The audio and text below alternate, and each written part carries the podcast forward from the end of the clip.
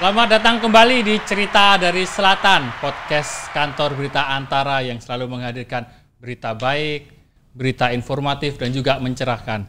Kali ini kita mendatangkan narasumber yang sangat spesial, yaitu Kepala Lembaga Ilmu Pengetahuan Indonesia, Pak Handoko. Gimana kabarnya Pak? Ya baik, terima kasih. Alhamdulillah Mas Aput. Kali ini kita masih membahas tentang COVID-19 Pak kan kita dengar ya. bahwa COVID-19 ini alurnya mulai menurun, cuman hmm. dikhawatirkan ada gelombang-gelombang kedua. Hmm.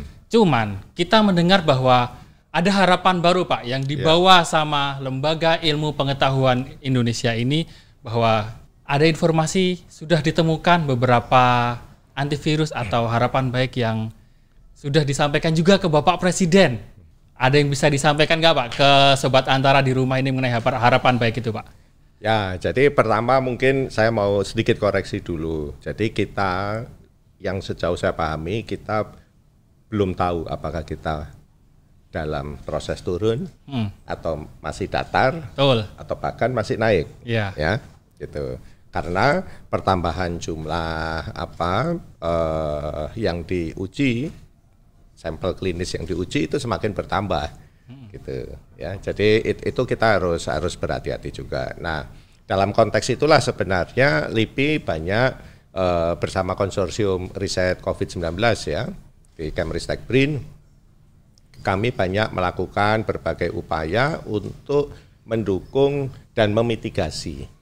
Gitu ya memitigasi apa yang harus eh, apa yang akan terjadi dan apa rekayasa sosial dan rekayasa teknologi yang harus kita uh, siapkan untuk itu gitu ya termasuk di situ mengembangkan obat tadi, mengembangkan vaksin ya bersama-sama dengan teman-teman dari kampus dan lembaga riset yang lain tentu saja ya. Termasuk alat-alat pendukung ya, alat-alat pendukung yang mungkin kelihatannya remeh-temeh tetapi mungkin diperlukan gitu. Karena eh, secara umum bisa kita sampaikan bahwa kita tidak bisa memprediksi kapan vaksin itu akan ada. Bisa jadi tidak pernah ada. Ya, tapi tidak akan cepat. Tidak mungkin cepat gitu. Jadi kita harus mempersiapkan eh, apa kondisi normal yang baru katanya new normal ya bahwa eh, kita akan harus hidup bersama COVID-19. Hmm. Tapi sejauh ini LIPI sendiri sudah melakukan langkah seperti apa Pak untuk dalam ya. mendalami antivirus atau bahkan menuju ya. ke vaksin seperti ini? Ya, jadi uh, pertama memang kami uh, sama seperti Ekman, kami juga melakukan uh, apa uh, uji sampel klinis ya.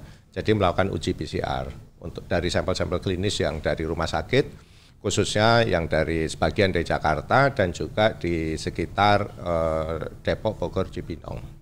Ya, karena lokasi apa laboratorium kami yang besar untuk uji sampel itu ada di Cibinong. Nah, itu penting tidak hanya untuk membantu meningkatkan kapasitas diagnosa negara kita ini, ya, tetapi juga penting untuk mendapatkan sampelnya, hmm. gitu ya. Karena kalau nggak punya sampel, bagaimana mau melakukan riset, gitu ya. Betul. Ya, nah dengan memiliki sampel itulah kita bisa melakukan hampir semua riset yang uh, terkait dengan uh, penanganan COVID-19 ini.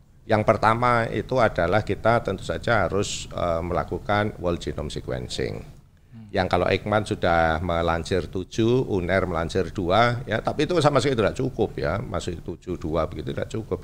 Jadi harus ada yang lain.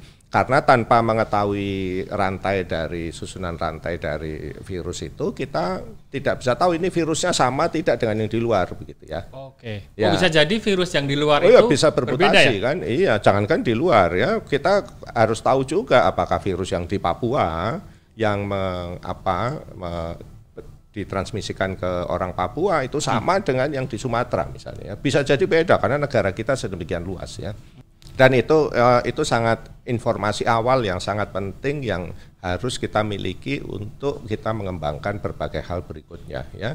Termasuk suplemen dan sebagainya itu juga salah satu upaya kita juga ya di lain sisi ya tidak terkait langsung dengan virusnya, tapi di lain sisi karena kita tahu vaksin belum akan keluar ya, hmm. gitu. Pengalaman menunjukkan vaksin itu bisa belasan tahun gitu ya, dan belasan tahun tidak terjadi apa-apa juga, tidak tidak muncul juga gitu ya. Misalnya vaksin HIV kan sampai sekarang nggak ada ya, gitu. Uh, malaria apalagi ya sudah berpuluh tahun tidak pernah bisa kita buat ya, seluruh dunia loh itu.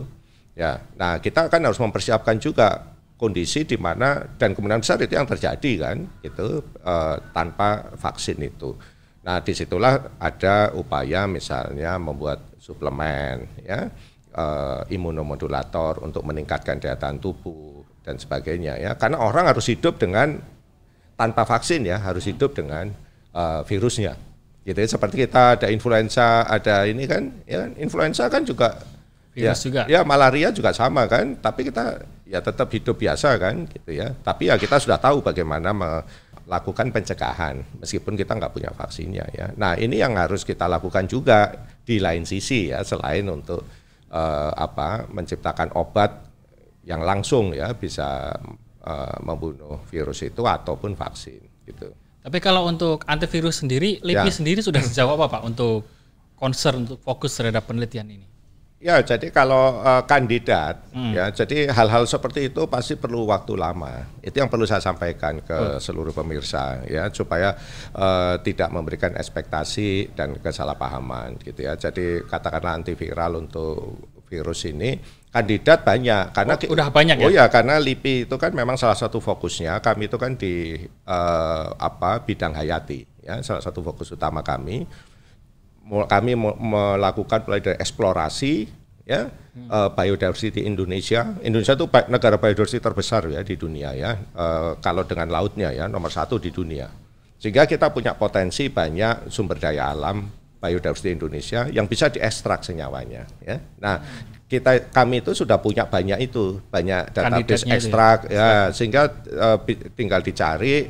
Nah, itu beberapa kandidat itu yang sekarang sedang diteliti lebih lanjut untuk menjadi antivirus juga misalnya ya. Ada berapa kandidat Pak kira-kira untuk antivirus ini? Waduh, kalau yang yang saya tahu yang sekarang uh, apa yang paling maju itu yang ketepeng Cina ya kalau nggak salah ya. Ketepeng itu, ketepeng Cina. Saya juga belum tahu itu ketepeng Cina itu kayak apa pokoknya. Oh, belum sempat lihat ya. ya. saya nggak begitu tahu juga. Tapi uh, apa itu dari salah satu pusat uh, penelitian kami, pusat penelitian kimia ya itu uh, mencoba itu. Tapi belum masuk uji klinis loh ya. Jadi uh, prosesnya itu panjang begitu ya. Karena ini kan terkait obat, terkait apa uh, sesuatu yang dimasukkan ke tubuh manusia ya. Sehingga pasti punya risiko. Jadi pengujian itu memang harus dilakukan sesuai prosedur standar secara full ya karena demi keamanan juga. Tapi dengar-dengar ya. Pak Handoko udah ngobrol sama Pak Presiden ya? Ya tidak, kita kan oh, dalam satu konsorsium ya oh, bersama-sama dengan Pak okay. Menristek kita ah. uh, tadi pagi itu kita uh, apa bersama Pak Presiden itu virtual ya, hmm. itu uh, melakukan peluncuran berbagai produk riset uh, hasil konsorsium ya. Nah, yang diobrolin apa tuh Pak sama Pak Presiden? Ya jadi intinya Pak Presiden banyak mendukung ya upaya eh, teman-teman uh, kita ya peneliti, dosen, perekayasa untuk mencari berbagai uh, temuan baru yang bisa berujung pada inovasi ya. Okay. Jadi yang menjadi produk yang bisa uh, langsung uh, dimanfaatkan khususnya yang terkait dengan COVID-19 ini, mulai dari ventilator, test kit ya kan, kemudian untuk rapid test juga gitu dan juga uh, untuk sterilisasi, saya memakai sinar UVC, memakai ozon dan sebagainya ya, gitu. Sampai gimana bikin gagang pintu yang orang bisa buka tanpa harus megang gitu nah, misalnya ya. Tapi kalau gitu. hal-hal yang sampai uh, sesimpel itu ya. Tapi kalau ya. pintunya yang bulat itu gimana Pak nanti? Oh itu ada itu. oh, ada juga. Ada. Dia tinggal dimasuk di, dicolokin begitu. Hmm. Ya bisa pintu yang bulat, bisa pintu yang yang Oke, biasa. berarti memang penelitiannya sangat istilahnya detail ya Pak dari mulai hal yang Oh iya, ya karena memang memang uh, dampak Covid-19 ini kan sangat apa kompleks ya, hmm. multidimensi, kompleks ya kan uh, mengubah semua ya paradigma lifestyle kita. Oh, iya benar. ya kan? Jadi gaya hidup baru ya, Pak. Oh iya, beneran baru ini. Kesehatan itu ya betul, gaya hidup betul. baru. Nah, ngomong-ngomong mengenai hmm. kandidat tadi itu, ya. Pak, apakah di antaranya itu memang banyak mengandung rempah Indonesia yang diteliti? Ya, uh, saya tidak bicara rempah karena tapi yang saya sampaikan adalah bahan yang ber, berasal dari uh, biodiversity lokal Indonesia. Ya, seperti kata Peng Cina tadi kan biodiversity lokal ya. Kalau yang suplemen lebih banyak lagi ya. Gitu nanti mungkin Pak Masteria, Dr. Masteria salah satu peneliti terbaik kita akan menyampaikan itu ya. Okay. Gitu. Jadi banyak sekali. Tapi itu tidak selalu harus rempah ya. Hmm. Ya. Kalau selama ini kan soalnya masyarakat yeah. banyak sekali yeah. punya harapan bahwa rempah-rempah yeah. Indonesia itu memiliki khasiat yang Oh ya, tetapi itu saya, saya perlu sampaikan bahwa uh, sebaiknya itu memang mengkonsumsi sesuatu yang sudah teruji hmm. ya oleh teman-teman kita para peneliti kita yang memang ilmunya ada di situ ya karena apa pun ya yang kita jadikan asupan itu ada efek sampingannya. Jadi kalau memang belum teruji jangan uh, gegabah untuk uh, apa memanfaatkan secara secara apa ya secara intensif lah ya gitu. Kalau sekali-kali minum ya nggak apa-apa begitu ya. Jamu aja pak. Iya. Itu lokal ya berarti. Iya. Terus ada informasi gini kan pak bahwa ya. Amerika, ya. Cina dan negara lain itu sudah mereka mendeklar bahwa masing-masing siap meluncurkan hasil vaksin yang ya, uji ya, coba ya, uji coba. Ya, nah. Ya bahwa ilmuwan mereka mengklaim bahwa beberapa yeah. temuan sudah mulai langkah yeah. awal ditemukan. Yeah. Nah, kalau di Indonesia sendiri, apakah yeah. penelitian juga akan mengarah seperti Amerika dan yeah, Cina yeah. untuk menemukan produksi massal seperti itu? Oh ya, intinya semua sama lah gitu ya. Tetapi ya itu tadi kalau kalau negaranya mengklaim setahu saya belum ada lah ya hmm. pasti. Tetapi yang yang ter, yang ada itu ada klaim dari uh, apa peneliti yang terafiliasi dengan industri ya okay. dari negara tersebut itu itu banyak ya makanya itu, itu yang tadi saya sampaikan semua harus berhati-hati semua harus dengan kepala dingin melihat itu ya jadi sebelum uh, secara resmi itu mendapatkan izin mendapatkan uh, approval dari pihak yang berwenang ya dari negara mana pun loh ya karena prosesnya panjang ya. Yeah. suplemen saja panjang gitu ya apalagi obat apalagi vaksin gitu ya okay. jamu saja cukup panjang loh ya itu prosesnya ya. Pak Handoko, hmm. kalau boleh ya. kita ya. tanya dan share, sebenarnya apa ya. sih Pak kendala mengenai ya. penelitian mengenai COVID-19 ini ya. sehingga ada yang lama, ada yang ya. terlambat? Ya. Apakah kendalanya di dana kah atau memang sumber ya. dayanya atau sampelnya seperti apa? Kalau secara umum ya memang penelitian semacam ini penelitian yang perlu waktu lama, hmm. gitu ya, khususnya yang terkait dengan tadi uh, subjek manusia, gitu ya. Subjek. Itu secara global memang standarnya ya seperti itu jadi misalnya nih yang dilakukan teman-teman kami di Rumah Sakit Wisma Atlet melakukan uji klinis untuk suplemen. Suplemen loh ya, bukan obat ya, suplemen. Itu saja itu perlu waktu lama gitu ya. Karena harus dicobakan dengan berbagai apa dosis yang berbeda ya ada yang placebo juga. Dan setiap setiap apa setiap kasus yang berbeda itu jumlah pasiennya juga harus memenuhi ketentuan. Tidak bisa hanya dicoba ke satu orang tidak bisa. Pasti minimal puluhan. Berarti untuk sumber daya manusianya sendiri sebenarnya ilmuwan ada, Indonesia mumpuni ada, ya Pak untuk ada bisa, bisa. Ya memang perlu waktu. Jadi semua harus bersabar begitu ya. Seluruh dunia ya harus bersabar meskipun kita tahu bahwa seluruh dunia berharap ini segera ada sesuatu gitu keajaiban muncul begitu ya. Tapi ya kan secara ilmu sendiri bercerita tidak ada sesuatu yang instan ya. ya, kita Kecuali mie ya, Pak. Ya. betul gitu. Karena kita harus uh, memastikan bahwa itu punya uh, khasiat gitu ya. Hmm. Jadi intinya kita tidak boleh klaim sesuatu yang belum terbukti Betul. secara ilmiah. Betul. Jadi itu problemnya ya. Kita akan di sini bicara ilmiah yang bisa teruji oh, iya, dan terbukti iya, ya. Iya gitu. Jadi kan kan nggak lucu nanti itu nanti bisa dimanfaatkan untuk orang cari keuntungan doang kan oh ini ini oh, punya khasiat iya. ABC begitu ya padahal belum masih diuji iya. gitu ya terus orang terpaksa apa ya tergoda beli masih kan hipotesis kan, jadi Pak. tertipu kan jadi kan tidak bisa begitu jadi kalau untuk klaim itu ya harus benar-benar apalagi itu yang terkait dengan obat alat kesehatan yang langsung misalnya ventilator juga sama ya itu tidak mudah kalau alat-alat ya. yang ditemukan tadi Pak seperti ventilator ya. alat-alat ya. pembuka pintu dan sebagainya ya. akankah itu diproduksi massal atau seperti apa Pak Oh ya, jadi kalau ya kalau itu tergantung pada kebutuhan tentu saja ya, kebutuhan hmm. pasar ya. Jadi akan kita lihat. Nah, itu salah satu yang memang eh, apa temuan temuan itu kan harus dibuat, hmm. ya harus diciptakan, ya harus di, ditampilkan, diciptakan. Nih saya menemukan ini, apakah nanti laku atau tidak, ya kan? Hmm diproduksi atau tidak tergantung itu laku atau tidak. Laku atau tidak itu kan tergantung pada itu memecahkan problem apa yang mau beli Masalah, tidak, ya, ya kan? Sebenarnya kan uh, apa prinsipnya sesimpel itu ya. Nah itu masalah yang berbeda. Tetapi bahwa temuan itu harus ada banyak itu sudah pasti. Meskipun oh, tidak okay. semua laku karena ya tadi saya sampaikan kan kalau kita misalnya bulan misal nggak tahu saya misalnya bulan Agustus atau apa ya sudah kita kan nggak mungkin PSBB terus ya pasti tidak mungkin gitu ya jadi apa pada akhirnya kita akan harus apa hidup bersama COVID-nya kan ya. nah, bagaimana cara kita hidup dengan COVID kan?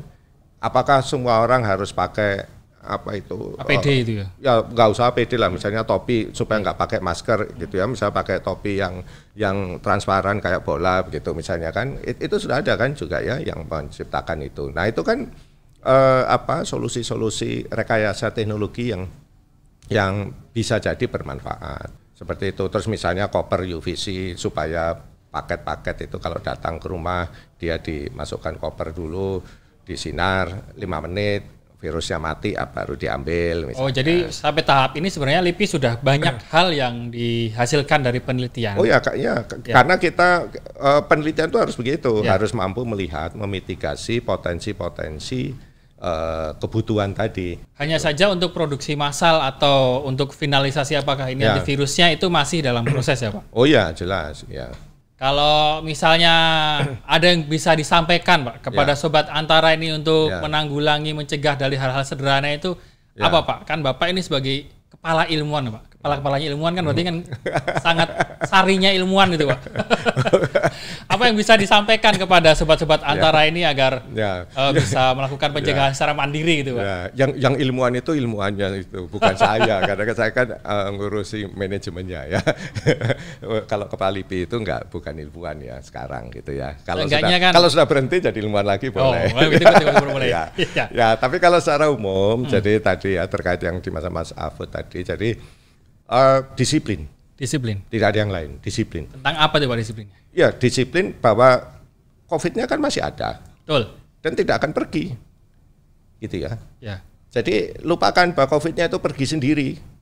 Pasti masih ada terus, ya. Sama halnya dengan malaria sama ya kan. berdarah seperti itu kan sampai oh, ya, sekarang juga masih ada terus gitu ya. Jadi kita harus hidup dengan beliau-beliau itu virus-virus itu kan. Oh nggak mau ya? Pak? Ya gitu. Nah sekarang disiplin itu maksudnya apa? Ya disiplin yang berbasis pada eh, apa yang fakta yang dijustifikasi oleh orang-orang yang berilmu tadi lah ya teman-teman saya itu bukan saya ya gitu. Jadi nah artinya apa? Ya sekarang kita semua sudah harus semua orang ya hmm. harus mau belajar gitu dan harus belajar hmm. ya kan gitu Kan orang udah tahu sejak dulu ya, sejak kita kecil gitu. Kalau ada banyak nyamuk jangan ke situ begitu ya. Betul. Iya kan? Itu kan hal yang paling nah, simpel ini kan, kan lebih kecil dari nyamuk, Pak. Ya, oh iya, iya. ya, tapi maksud saya pengetahuan itu oh, iya. sudah harus mulai ada. Ya. Iya, gitu. Jadi oh memang masih ada itu berkeliaran beliau-beliau virus-virus tadi itu kan, virus apa SARS-CoV-2 itu. Ya. Ya sudah kalau keluar saya pakai masker. Hmm. Itu paling minimal. Tapi okay. itu saja nggak cukup kan. Betul gitu. Yang kedua harus jaga jarak. Ya, sementara ini minimal ya itu yang harus dilakukan ya. Kalaupun harus keluar gitu. Dan mungkin kelak kita terpaksa harus keluar juga kan ya. gitu tidak bisa sekolah libur terus juga oh. ya repot juga kan gitu meskipun nanti kita juga harus menciptakan protokol baru Iya Pak, kalau sekolah libur nanti yang ngisi jadi ilmuwan LIPI selanjutnya siapa Pak? Nah repot kan. LIPI kosong nanti. Iya kosong kan gitu. Betul jadi, juga Pak. Ya kan, nah jadi uh, habis ini memang yang harus kita pikirkan bersama ya, tidak hanya pemerintah itu, tidak hanya kami juga, itu adalah bagaimana membuat protokol yeah. untuk setiap aktivitas Oh standarnya operasional. Oh iya iya gitu. Kalau di terminal kayak apa? Okay. Kalau di bandara seperti apa? Dan nantinya kita kalau, harus siap hidup seperti oh, itu. iya ya harus dong. Jangka panjang. Iya. Ya. Kalau di sekolah gimana? Ah ternyata sekolah nggak harus lima hari masuk juga nggak problem kan? Semua orang sepakat itu sekarang pasti ya. ya. Sama halnya kerja juga ya. Kerja wartawan juga begitu kan mungkin oh. ya. Nah kalau nggak lima hari masuk misalnya, apakah kita bikin sehari atau dua hari masuk misalnya ya? Artinya, tapi di satu kelas hanya isi 10 orang, misalnya ya, gitu. Nah ini kan harus diciptakan, harus ditetapkan, ya kan?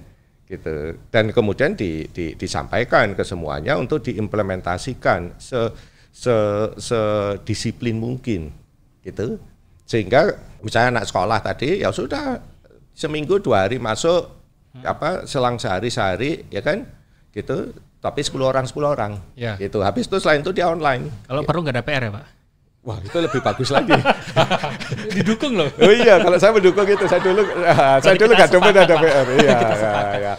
Ah, Akhir, aja akhir, demen. Ak akhirnya ada ketawa dengan statement saya. Cuma iya. serius-serius ya tadi. Iya, makanya itu Pak.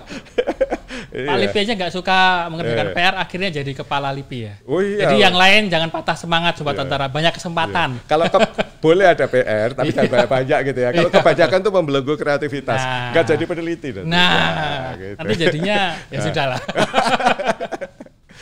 Baik Pak Handoko, ya. terima kasih ya, atas ya, kesempatannya kasih. untuk mampir ke kantor Berita Antara. Ya. Pak Handoko tadi Sobat Antara sempat menyinggung bahwa ada peneliti yang akan juga menyampaikan di kantor berita antara di cerita dari selatan yeah. kali ini. Setelah sesi ini kita akan ngobrol lebih lanjut bahwa apa yang sudah ditemukan oleh LIPI sejauh ini mengenai COVID-19 hmm. bisa jadi memang ada harapan baru atau memang kita harus bersabar sampai vaksin itu keluar ya Pak. Ya, tapi minimal kalau dalam beberapa bulan ini insya Allah apa belum vaksin barangkali ya, tapi sesuatu yang lebih memudahkan kita hidup bersama COVID, insya Allah akan ada lah ya. Akan ada. Ya, Mulai ya, banyak bermunculan, pasti. Wah, Pak Andoko merahasiakan nih. Oh iya dong, namanya juga kan Wah. nanti nanti ditiru orang. nah, kan? Tapi udah ada ya Pak itu ya Pak, yang penting ya Pak. Oh iya dong. Tinggal kan, nunggu waktunya aja. Oh, iya berarti. kan semua orang berusaha ya. Wah, ya gitu. Kita nggak sabar. Raja ya. bisnis itu. Ya, Wah, Lipi sekarang bisnis juga berarti. Menarik Pak, tapi kita mendukung untuk itu Pak. Ya, ya, untuk ya. bisa berkembang dan menemukan itu Pak. Ya, enggak Berat, sih nanti tanya lah ke penelitinya boleh dibuka. Berarti enggak perlu beberapa bulan, beberapa saat lagi. Ya. Terima kasih Pak Handoko Terima sudah sharing bersama ya. kantor berita antara di podcast ya. cerita dari selatan. Semoga Sama-sama. harapan Pak Handoko tadi akan banyak memunculkan ilmuwan-ilmuwan baru tanpa PR tentunya ya Pak. Oh ya, setuju. Terima kasih ya. Pak Handoko. Sampai jumpa di sesi selanjutnya. Ya, salam sehat. Ya. Ya.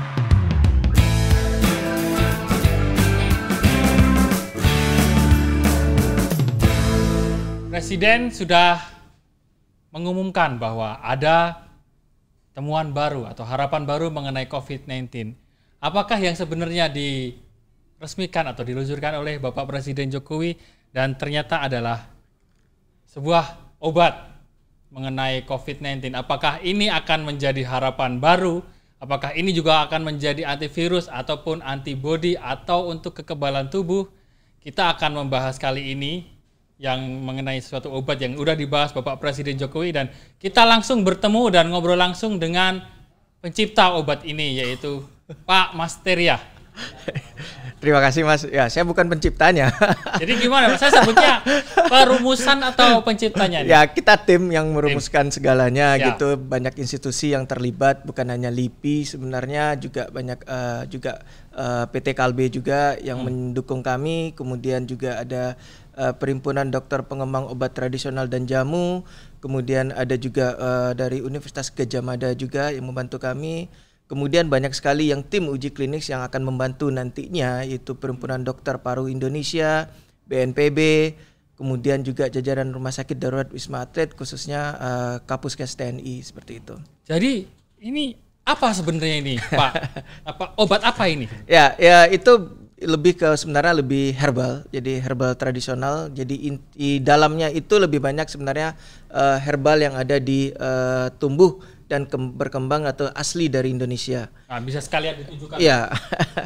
di dalamnya itu ada misalnya ada kalau kita nenek moyang kita sudah banyak memakainya di dalamnya itu ada meniran, hmm. sambiloto, daun sembung dan jahe merah. Ini sudah sangat berabad-abad atau sejak dahulu kala dipakai oleh nenek moyang kita untuk misalnya untuk meningkatkan sistem imun, sebagai antiinflamasi, sebagai antivirus. Nah, kami ingin mencoba ini untuk uji kliniknya bahwa ini bisa tidak mengembangkan atau meningkatkan sistem imun dari pasien SARS-CoV-2. Karena uh, kalau kita tahu bahwa uh, kalau patogen atau virus yang masuk ke manusia yang paling pertama diserang itu adalah sistem imunnya kita. Nah, makanya diperlukan kalau kita sistem imun kitanya kalah, nah kita akan mendapatkan penyakit. Contohnya itu kalau si SARS-CoV-2 masuk ke dalam tubuh kita, kemudian kita mendapatkan penyakit yang dinamakan COVID-19 seperti itu. Nah, di dalamnya pasti dia selalu menyerang sistem imun tubuh kita. Nah, dibutuhkan atau tambahan tenaga atau tambahan bala bantuan. Nah, bala bantuannya itu adalah misalnya seperti suplemen, vitamin, dan obat herbal. Nah, inilah kami mengharapkan nantinya obat herbal atau suplemen yang kami ciptakan ini atau kami kami uji cobakan ini bersama-sama nanti bisa meningkatkan sistem imun uh, pasien SARS-CoV-2 atau pasien COVID-19. Jadi ketika pasien yang sudah menderita COVID-19 ketika mengkonsumsi obat itu ada kemungkinan itu bisa menjadi lebih baik. Ya, meningkatkan sistem imun tubuhnya dan dia melawan si virus itu. Jadi sistem imunnya melawan si virus. Karena saat ini kan kita belum bisa menciptakan uh, antivirus. Ya, hmm. Ya, antivirus itu adalah senyawa misalnya yang bisa melawan si uh, virus tersebut gitu. Nah, salah satunya sekarang adalah dalam tubuh kita. Tubuh kita itu sudah punya alaminya antivirus aja. alami dalam okay. tubuh kita. Nah, antivirus alami dalam tubuh kita itu bisa kuat bisa tidak. Nah, okay. itu tergantung dalam kondisi tubuh kita. Nah, untuk meningkatkan kondisi tubuh kita atau sistem imun kita yang paling kuat itu kita harus punya uh, bala bantuan kalau kita sakit diserang oleh SARS-CoV-2 seperti itu. Dan obat ini baru Uh, ini sebenarnya sudah baru, jadi di izin edar BPOM-nya sudah ada. Kemudian kita bersama-sama dengan Kalbe juga, kemudian Kalbe memproduksinya. Nah ini yang akan nanti kita uh, kalau ini berhasil nanti kita sudah siap untuk produksi massalnya. Dan obat ini sudah diproduksi pada intinya. Sudah, untuk uji klinik kita sudah memproduksinya. Hanya memang belum diedarkan belum ke ya. masyarakat karena tahapan uji klinisnya belum selesai sepenuhnya. Ya, kalau kita lebih banyak ingin mengklaim nantinya untuk meningkatkan sistem imun si pasien COVID-19. Hmm. Nah, makanya kita melakukan uji klinik dulu. Nah, kalau uji klinik selesai dan hasilnya uh, bagus dan ya hampir uh, bisa menyembuhkan atau menyembuhkan pasien COVID-19, ya nanti itu akan kita klaim sebagai pe, uh, herbal untuk meningkatkan sistem imun uh, pasien COVID-19 seperti itu. Kapan itu bisa diproduksi massal, Pak? Kalau produksi massalnya sebenarnya kita sudah bisa.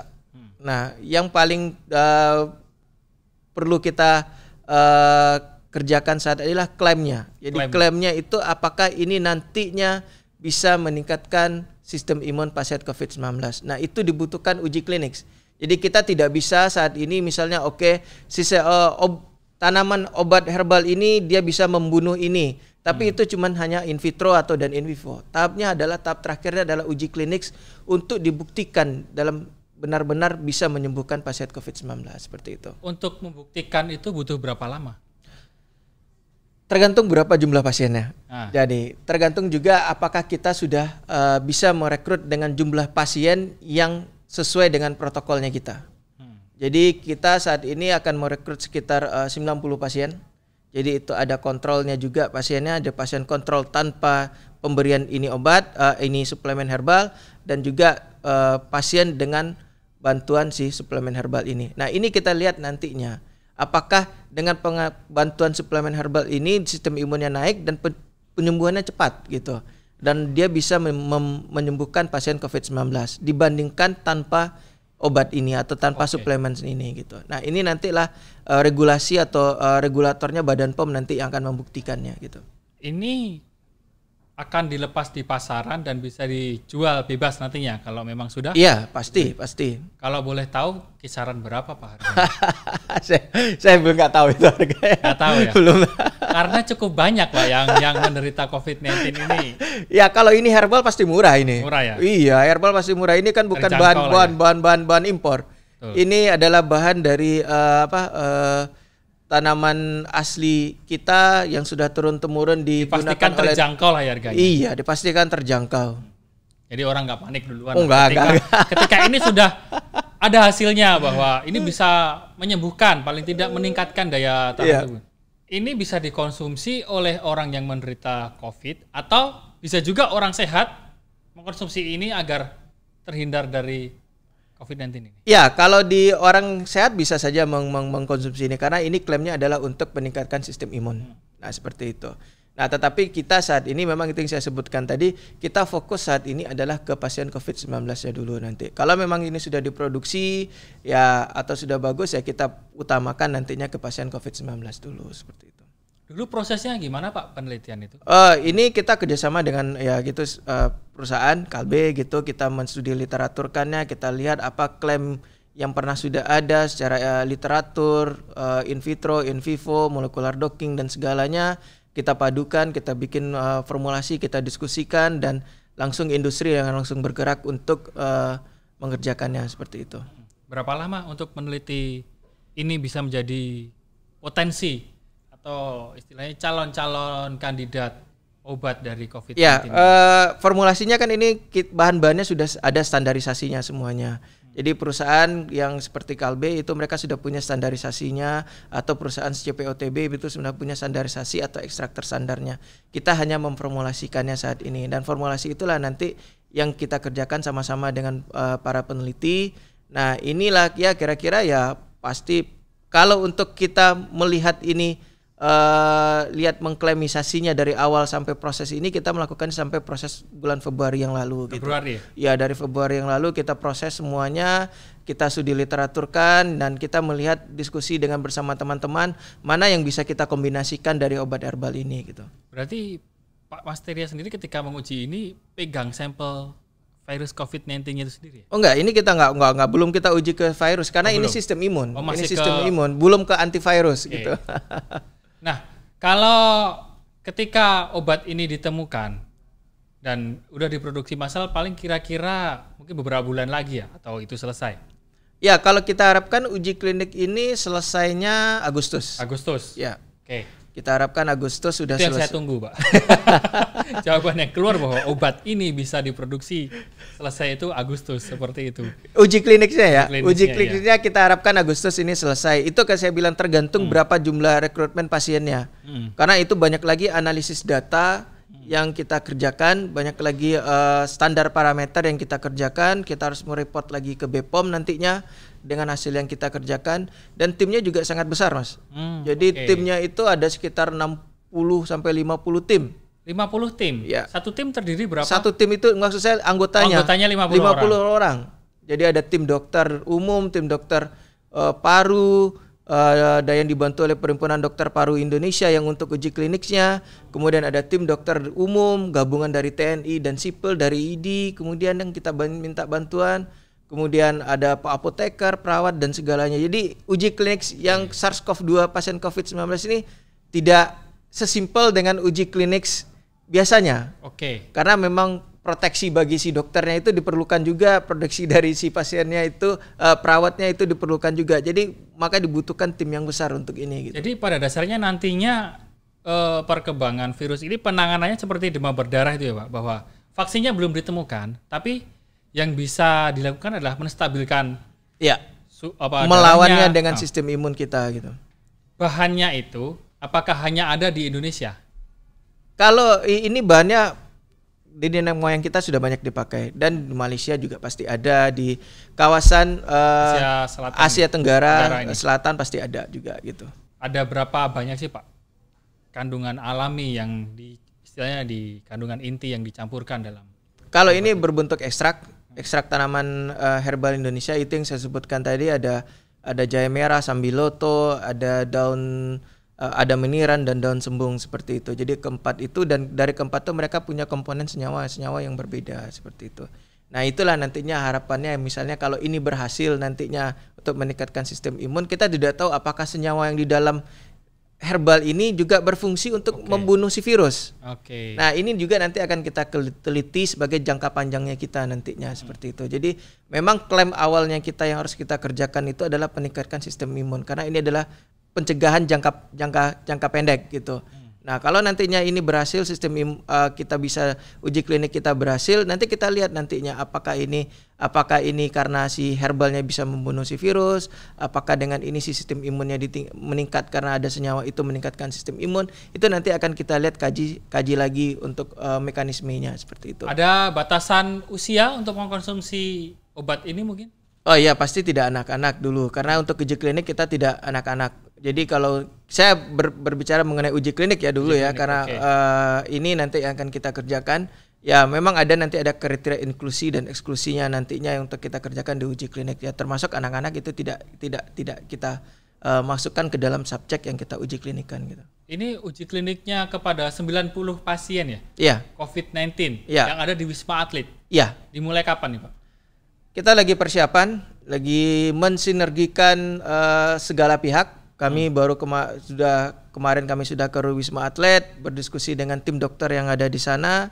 Ya, kita akan lagi persiapan yang matang karena itu saya bilang tadi bahwa ini berbeda sekali dengan uji klinik yang yang obat lain. yang obat-obat lain karena yang melawan kita adalah si virus. virus. Nah, Betul. bisa membahayakan si dokter juga, bisa membahayakan si perawat juga. Nah, ini teknis-teknis keamanan yang yang yang yang yang kita diskusikan bagaimana proses pemberian si obatnya ke pasiennya seperti itu. Jadi, ini yang yang yang akan kita matangkan ya saya harapkan nanti ya sekitar uh, setelah lebaran kita sudah mulai untuk pengerjaannya ini. Setelah lebaran ya. ya. Dan perlu prosesnya paling enggak sampai selesai itu Agustus itu ya.